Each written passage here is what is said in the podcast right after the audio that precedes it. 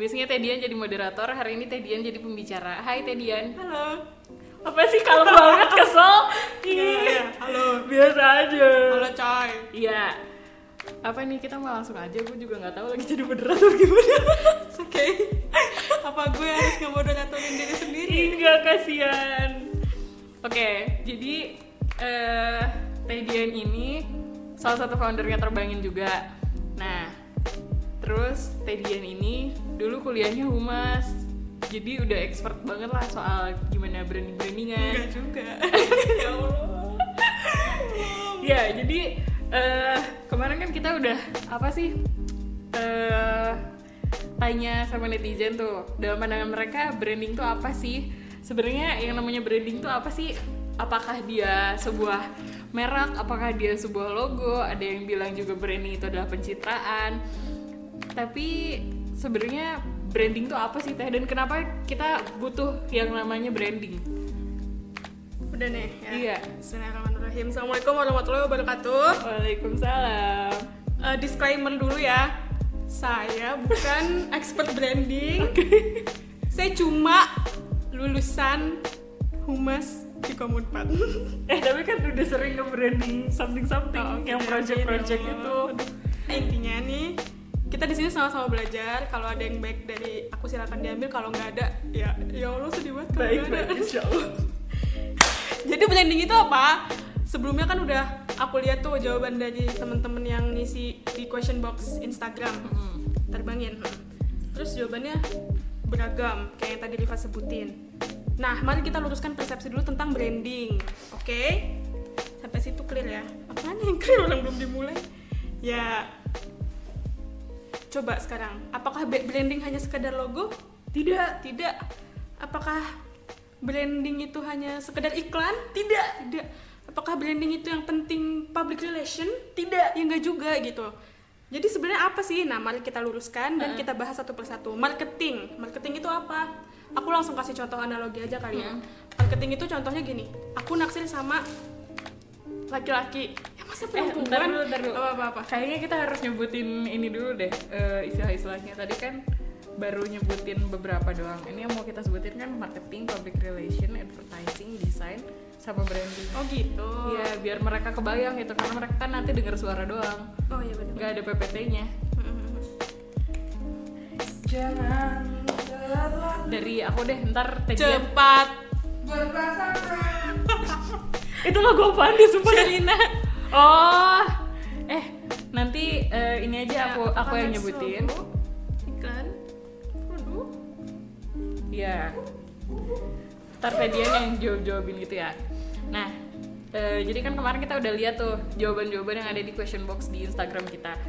Eh, jawabannya banyak banget. Branding itu apa sih? Apakah eh, branding itu adalah sebuah logo atau Tidak. adalah sebuah iklan Bisa jadi. atau atau sebuah produk kah? Ya ya ya ya ya. atau apakah dia sebuah desain atau marketing atau PR apakah mereka semua istilah yang berbeda Ya. terus sebenarnya mereka ini benda apa Oke. Jadi mari kita cari tahu. Ting, ting. Yang jadi eh, marketing dulu ya. Marketing itu apa? Aku langsung kasih analogi aja ya. biar gampang. Mm, marketing itu contohnya kayak gini. Aku naksir sama laki-laki. Sebut saja namanya bang bokir. Bang bokir? Nggak tahu. Kan gojek ya? Bang. Anyway aku tuh naksir sama dia yang aku lakukan tuh kayak gini. Bang bokir. Kenapa jangan ketawa. Eh boy aduh. Wajib. Bang Bokir, aku cantik loh, aku baik, aku solehah. Aku jijik ya, Bokir. Enggak. Terus kalau kamu mau sama aku, kamu bisa mendapatkan harta yang melimpah misalnya kayak gitu. Kamu bisa mendapat gunungan emas gitu kan. Itu marketing. Jadi marketing itu eh, ngasih tahu ke publik gimana ya. Jadi bisa lewat program kayak tadi kalau kamu sama aku gitu. Jadi kalau kamu beli ini beli satu gratis satu itu tuh Marketing. salah satu cara marketing gitu terus selanjutnya public ya jangan. Terus selanjutnya advertising. Apa itu advertising? Aku advertising tuh kayak gini nih. Bilang ke bang Bokir dia cantik dia cantik dia cantik dia cantik dia cantik. Terus kayak gitu sampai diulang-ulang sampai masuk ke alam bawah sadarnya dia. Dia Sampai- cantik dia cantik dia cantik. Gengges geng, gengges coy. Emang gengges banget. But it works gitu. Contoh eh, Mars Perindo Perindo Iya, seluruh Indonesia pada Marilah Astagfirullahaladzim. jadi pada tahu kan tuh Mod- moderatornya aja tahu. Jadi sampai ponakannya Bang Boger tuh bisa inget dia yang cantik, dia yang cantik, iya dia dia yang cantik. cantik. Karena aku sering ulang-ulang itu gitu. Terngiang-ngiang. terngiang-ngiang. Tapi disebutkan itu verbal gitu. Agak-agak kayak santet ya.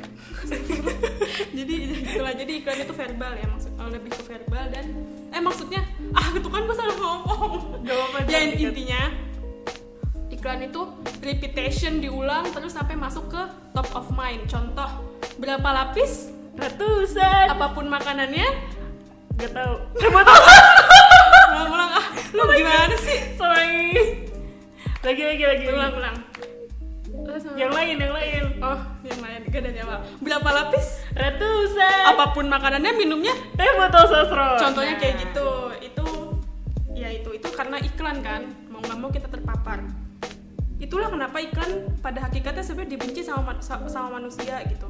Kalau dulu tuh zaman dulu ada teori komunikasi jarum hipodermik. Jadi kan dulu pas awal-awal ada TV penonton apa pun yang dikasih tahu TV terpapar si penonton dan mau mengikuti gitu nah karena pada sebel sama iklan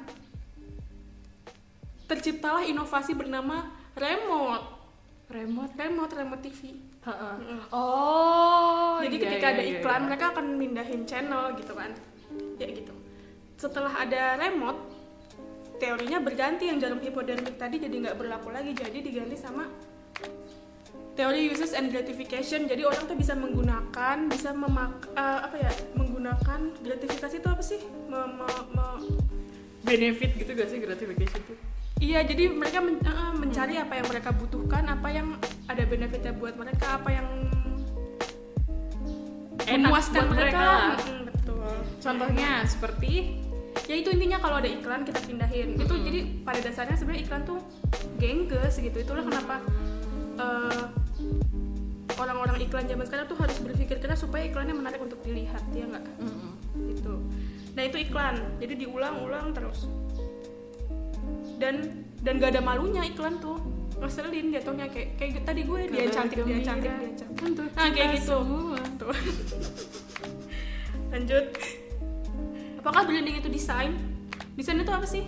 Desain itu kalau aku suka sama Bang Bokir nih, aku nggak bilang Bang Bokir, aku cuma ngasih kode, ngasih logo tangan begini tiba-tiba kalau ngeliat Tangan dia, bentuk love tangan bentuk gitu. love gitu, tangan gitu.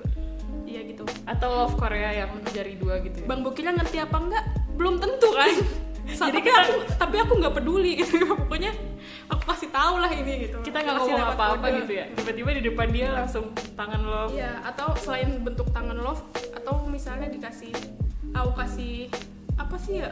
Ah kalau cewek suka ke cowok ngasih apa sih? Misalnya bunga gitu ya, atau coklat. Iya. Itu kayak cowok ke cewek sih. Iya, iya. ya udah kayak gitu. Jadi dengan bahasa-bahasa yang Non verbal. ya non verbal. Kalau public relations, contohnya kayak gini. Aku tahu Bang Bokir punya adik perempuan namanya Riva. Mhm. Ah, lu gak punya kakak kan? Enggak. Oh ya udah aman. Terus aku ngedeketin Riva terus-terusan. Aku ngajak dia makan, nonton. Terus aku ngajak dia nginep di rumah aku. Selama dia nginep di rumah aku, aku behave gitu. Aku masakin dia misalnya kan. Aku nyapu ngepel pokoknya itulah. Sampai nanti tanpa sadar tuh si Riva ngomong sendiri gitu ke Bang Bokir. Eh bang, gue punya teman namanya Dian, dia baik deh anaknya, baik banget sama aku ini gini gini gini. Istri idaman. Iya. Bisa Sebut, masak. sebut, sebut. Bagus, bagus. Sombong, enggak, enggak. Ya, nah itu contoh Contoh eh, public relations. Jadi dia membuat orang ketiga bicara baik tentang ya, tentang kita. ya gitu jadi intinya public relation tuh membuat orang ketiga bicara baik tentang aku gitu lah Ih, sumpah itu masuk masuk ya masukin ya nah terus kalau di kehidupan nyata berarti eh, kerjaannya public relations itu ya berhubungan sama stakeholder gitu stakeholder itu ya bisa gini gini untuk mempengaruhi publik tentu kita akan mencari opinion leader tuh ya nggak? itulah kenapa sahabat karibnya public relations adalah Jurnalis. jurnalis karena jurnalis itu media mainstream umum eh nggak media eh, itu didengerin sama banyak orang kan Hmm. dengan itu tuh kayak low budget high impact dengan menggenggam satu media kita udah bisa ngimpact ke banyak, Banyak orang. orang. gitu di banyak orang yang mendengarkan media tersebut karena zaman berganti cara public relations juga ikut berganti dong karena sekarang zaman digital. Eh, media masih dipakai tapi juga banyak yang menggunakan endorse kayak gitu-gitu loh. Itu juga Hmm, termasuk iya, iya, iya, aktivitas iya, iya. PR. Ya gitu intinya. Itu ya itu ya. Udah oke sip sip Oke, mantap. sip. jadi branding itu apa kak? Branding itu kalau aku nggak usah ngomong apa-apa tapi bang Bukir udah tahu. Dian itu Cantik. cantik soalnya. Soleha, istri dalam kesel gue dengan cewek Jago masak. udah udah udah. Nah. Hah? Hah? Gimana? Udah udah. Jadi Bang Bokir tahu jadi dengan bang Bukir tuh tahu gitu tanpa aku harus bicara banyak tanpa aku harus eh, melakukan banyak hal kepada bang Bukirnya dia udah tahu sendiri gitu. Maaf ya bang Bukir dengan kata lain ya itu nggak usah banyak ngomong tapi orang tuh nangkep persepsi yang aku inginkan yang kita inginkan gitu. Pertanyaannya gimana caranya orang bisa paham? Bisa paham apa yang aku mau Iya. gitu. Misalnya aku pengen orang-orang mengingat aku sebagai orang yang cerdas gitu genius girl. Tapi enggak gitu. Ya gitu. Berarti apa aja yang harus dilakukan? Nah yang harus dilakukan tuh yang tadi tadi aku kita sebutin. Oh. itu tuh semuanya sebenarnya aspek gitu loh. Jadi Sepaket semuanya harus ya. bekerja sama lah. Hmm. Menciptakan brand itu nggak semudah membangun candi. Nggak bisa satu malam. Reputasi itu investasi jangka panjang. Jadi dibangunnya pelan-pelan. Step by step. Heeh, nggak nggak yang itu. Gitu apaan sih lu Yan? ya pokoknya yang itu lah. Sip mantap. Udah. Oke. dengan kata lain ulang. Dengan kata lain branding itu tuh ya gak usah banyak ngomong tapi orang udah nangkep gitu maksud dari yang kita inginkan gitu. Eh, contoh brand yang bagus tuh kalau brandnya udah dipakai dijadiin verb dijadiin kata kerja. Contoh, Seperti? Eh googling ini doang gitu. Eh googling ini doang. Oh iya iya benar Pak. Google itu kan sebuah brand tapi dia dijadiin verb Hmm. atau contoh lainnya. Eh Rif tolong photoshopin gue lah gitu. Photoshopin foto inilah gitu Atau teh Photoshop tolong. itu kan brand WA-in sini dong. Iya kayak gitu. Itu kan brand ya tapi udah dijadiin verb itu berarti udah wah gila abis coy. Atau benar kayak tadi aqua. Eh tolong beli aqua padahal maksudnya beli air mineral. Hmm. eh tolong beli pepsodent padahal maksudnya Waduh, Itu padahal udah- merek apa pun disebutnya Pepsodent ya. ya itu udah top of mind berarti Ah. udah mencapai top of mind. Itu branding yang bagus gitu. Dan itu dan gimana caranya supaya bisa em, sampai ke titik itu gitu. Ya ikhtiarnya dilakukan dengan tadi memanfaatkan agenda-agenda tadi public relationnya di dikenceng di ya ya dengan memanfaatkan tools-tools tadi public relationsnya dijalanin marketingnya dijalanin iklannya juga nggak ngasal gitu. Semualah desainnya juga nggak nggak bikin orang bingung gitu key message-nya jelas nah itu. Sehingga nanti bisa tercipta brand. Jadi semua hal tadi tuh menyampaikan hal yang sama ya, sampai Iya, terbentuk sesuatu di benak konsumennya Betul. tanpa jadi dia tuh merasakan dengan sendirinya gitu. Oh, ketika gue melihat Adidas tuh gue merasa bahwa gue sangat keren. ya gitu. Jadi kalau tadi kata Riva merasakan. Nah itu keywordnya. Jadi apa yang orang rasakan tentang kita atau tentang brand kita atau tentang LDF kita atau tentang apa aja semua bisa di brandingin ya. Orang bisa di branding personal branding. Produk bisa di branding jasa bisa di branding. Agama bisa di branding LDF juga bisa di branding. gitu. Nah, terus kalau kata dosen aku namanya Pak Sani, halo Pak Sani. reputasi, ini rumusnya, reputasi sama dengan perbuatan baik plus komunikasi. Jadi perbuatan baik yang dikomunikasikan. Kalau kita melakukan kebaikan, kita bikin desain eh, timeline Surah Nabawiyah yang keren banget, tapi gak kita komunikasikan keluar ya orang gak tahu gitu loh. Atau kita punya hobi sesuatu, tapi nggak kita umpetin aja hobi itu. Padahal hobi itu misalnya bagus, misalnya watercoloring, tapi nggak kita Simpan aja di lemari. disimpan ya. aja Nggak akan ada yang tahu gitu kalau kamu tuh jago itu gitu nah itu juga peran media zaman sekarang ya platform jadi du- zaman dulu tuh kita nyari panggung susah gitu orang zaman sekarang nyari panggung susah sekarang udah pada punya platform gratis Facebook Twitter Instagram Tumblr, WordPress, Blogspot, wah banyak banget media-media yang bisa dimanfaatin gitu. Asal kita yang mau YouTube, ya kan? Intinya brand itu itu keywordnya adalah persepsi dan rasa. Jadi kita main di kepala, di otak otak publik sama di hati publik gitu. Apa yang mereka pikirkan tentang kita, apa yang mereka rasakan tentang kita. Di situ gitu. Jadi salah sebenarnya kalau ada perusahaan yang bilang, "Ayo kita hire public relation untuk um, membaguskan branding kita sehingga uh, apa? keuntungan kita bertambah." Salah itu nggak nggak korelasinya nggak ke situ gitu. Karena kalau ngomongin profit nggak ke situ gitu. Intinya branding itu tuh ngomongin merek loyalitas gitu uh, walaupun nanti emang ada efeknya ke sana gitu. Hmm. Aduh aku ngomongnya kalau bikin bingung maaf ya. Jadi pada ngerti. Sebenarnya kenapa sih kita butuh branding? Fungsinya branding itu buat apa sih? Kan uh, bukan satu-satunya bukan cuma profit tuh, karena nggak semua hal yang di, perlu di branding itu bukan untuk profit. Kayak misalnya lembaga dakwah kayak Smart misalnya, Smart kan non profit kan, tapi dia tetap butuh branding. Nah jadi sebenarnya fungsi branding itu apa sih?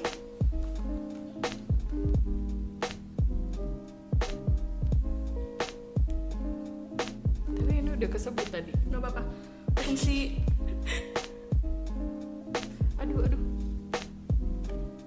fungsi brand itu sebenarnya lebih ke kepercayaan publik trust mm-hmm. jadi gitu. Kalau di aku di humas pelajar di wih kalau di humas tuh kan belajarnya public relations yaitu emang untuk mendapatkan kepercayaan publik. Kepercayaan publik nanti yang akan berpengaruh kepada reputasi. Jadi sebenarnya apa keuntungan kita nge-branding? Ya supaya ada supaya publik percaya sama kita gitu. Terus kalau publik udah percaya sama brand kita apa untungnya? Contoh uh, mau kasih contoh ini ya. Unit multi brand hmm. brand yang bagus tuh bisa menghasilkan brand yang sesuatu yang uh, brand lain yang bagus lagi gitu. Contoh Unilever. Hmm. dia kan punya banyak ya anak-anak anak-anak perusahaan. Ada Sunsilk misalnya ada, ada es krim. ada es krim Walls nah itu tuh kalau nanti Unilever ngeluarin produk baru tuh kita pasti percaya aja gitu kan hmm. karena ada ada logo Unilever di dalamnya. Atau misalnya satu lagi dari Mayora, Mayora. nah itu nanti kalau ada brand baru keluar eh produk baru keluar dari Mayora kita Selain bakal percaya kan? Bang Bang atau bang, better. better kita tuh bakal percaya karena udah tahu kualitas dia gitu. Atau ketika uh, Delphi ngeluarin Thunder coklat Thunder hmm. ya gue pasti beli gitu karena gue penasaran. Ini kan dari Delphi gue pengen nyoba. Contoh kayak gitu.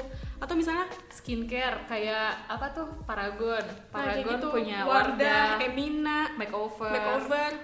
Nah itu tuh sebenarnya semua anak perusahaan Paragon. Ketika dia ngeluarin satu brand lagi yang meski yang walaupun segmentasinya beda ya orang tuh tetap percaya aja gitu karena pasti minimal kualitasnya se yang kemarin-kemarin iya minimal gitu. terus itu tuh keuntungan kita kalau udah punya brand yang bagus gitu awarenessnya udah hmm. cakep gitu tinggal maintenance itu contoh lagi nih kalau misalnya mau ngomongin personal branding ketika uh, ketika Teh Imun ngeluarin petisi baru misalnya yang walaupun banyak dimusuhi tapi segmentasinya teh imun ibu-ibu itu hmm. itu pasti udah pada percaya sama teh imun gitu karena teh imun udah punya personal branding yang gitu. bagus betul atau kalau misalnya konit ngeluarin buku lagi hmm. pasti bakal banyak yang beli kan karena personal brandingnya konit sudah terjaga itu keuntungan kita punya brand yang bagus atau ketika Ustadz Felix ngeluarin buku baru betul atau Ustadz Salim Mafilah kayak gitu hmm.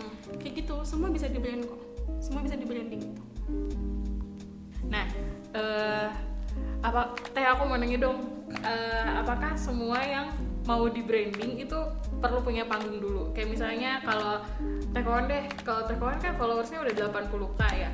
Nah itu kan udah enak tuh kalau mau ngeluarin buku ya udah punya panggung udah punya pasar ya mau ngeluarin apa pun pasti laku. Atau yang KCTHI deh itu followersnya kan udah sampai jutaan kan. Nah terus gimana nih kalau misalnya mau nge-branding uh, aku deh aku kan followersnya dikit banget ya. Nah belum punya panggung istilahnya. Apakah itu bisa di branding atau gimana? Nah ini adalah mindset yang kurang pas gitu. Kalau kita pikir panggung itu hanya yang besar-besar aja gitu. Padahal setiap orang punya panggungnya masing-masing. Followersnya cuma dua sekalipun dakwah Fardia. Itu tetap panggung kita gitu panggung kita untuk berkarya gitu. Jangan sampai kualitas kita berhadapan dengan seribu orang itu beda sama kalau kita berhadapan dengan 100 orang gitu.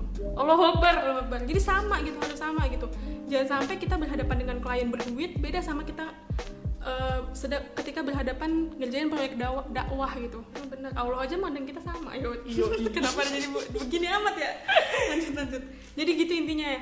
Eh, kalau tadi kita lihat NKCTHI udah sekian juta konit udah sekian gitu ya itu mah apa ya no pain no gain coy mereka ada di titik sekarang itu ya karena udah melakukan gain yang nggak kecil gitu mereka dari nol juga ya Iya, padahal eh, jadi manfaatkan panggung kita sekarang gitu.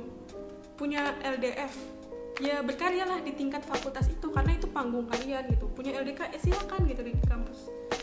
jangan pernah menganggap LDK atau LDF itu remeh ya Iya, karena jangan. yang membuat sesuatu itu kecil atau besar bukan si lembaganya tapi karena kita yang kita investkan Betul, di betul. dalamnya Setuju. Golden phrase sekali Allah nggak akan pernah salah menghitung gak sih, coy. Iya. Contoh lagi misalnya nih, tapi teh aku, oh ya aku juga mau ngasih tahu, eh, branding brand itu lahir juga nggak semuanya, eh enggak gimana ya, brand itu lahir tuh tangannya banyak gitu loh, banyak yang bantuin. Hmm, jadi Ada nggak nggak bisa sendiri Mm-mm, ada nggak. suster. Mm-mm, jadi coba kamu tahu nggak siapa yang bikin siapa yang bikin kampanye Obama yang hope itu tahu nggak? Nggak tahu kan? Nggak tahu gue atau siapa yang bikin atau tahu nggak siapa Edelman? Nggak tahu kan? Atau tahu nggak siapa yang bikin video klip Raisa yang terbaru? Kayak gitu loh. Ya, jadi anyway intinya fokusnya adalah setiap orang punya panggungnya masing-masing. Meskipun di balik layar itu tetap panggung coy gitu. Oh. ketika ada orang pengen bikin sesuatu dia ngubungin aku misalnya. Dia tolong bantuin ini ini gimana caranya? Misalnya kayak gitu ya. Hmm. Berarti kan artinya aku udah punya Hmm. Wala- walaupun aku jadi gitu loh. Walaupun kita jadi ninja yang nggak kelihatan. Hmm. teh aku di LDF cuma jadi ini cuma jadi itu cuma jadi tukang sapu gitu. Nggak sedih nggak nggak. Tukang sapu pun tuh nggak sedih boy. Kayak setiap kita punya peran kita masing-masing gitu itu panggung kita gitu. Gitu bos kayak misalnya ini deh kan eh, youtuber-youtuber kayak Next Carlos atau si Naisa. Mm-mm. siapalah itu aku atau Ria. Ria Licis. Anda pikir Iya. Ria Licis ngedit sendiri? Kagak boy tim kameramen sendiri. Terus ngekat sendiri download backsound sendiri. Kagak mungkin. Itu si Next Carlos aja kalau nggak salah timnya dia sekitar 20 orang deh kalau nggak salah. gitu tuh contohnya tuh. Ha-ha. Arif Muhammad dia punya timnya. Raditya Dika dia punya timnya. Jadi intinya di mana pun kita bekerjalah semaksimal mungkin. Nanti itu brand itu akan ngikutin kita sendiri kok oh si Dian tuh bagus kalau bikin ini. Oh si Riva tuh bagus kalau ini gitu. Atau kayak ini deh yang kelihatan banget tuh eh, shift ya nggak? Shift tuh kan yang ah pentolannya Ustadz Hanan Ustadz ya? Hanan. tapi tahu nggak siapa orang di balik itu? Kang Inong. Iya ada Kang Inong Ha-ha, yang ada nge-brand. Rifat Noval ya. Betul.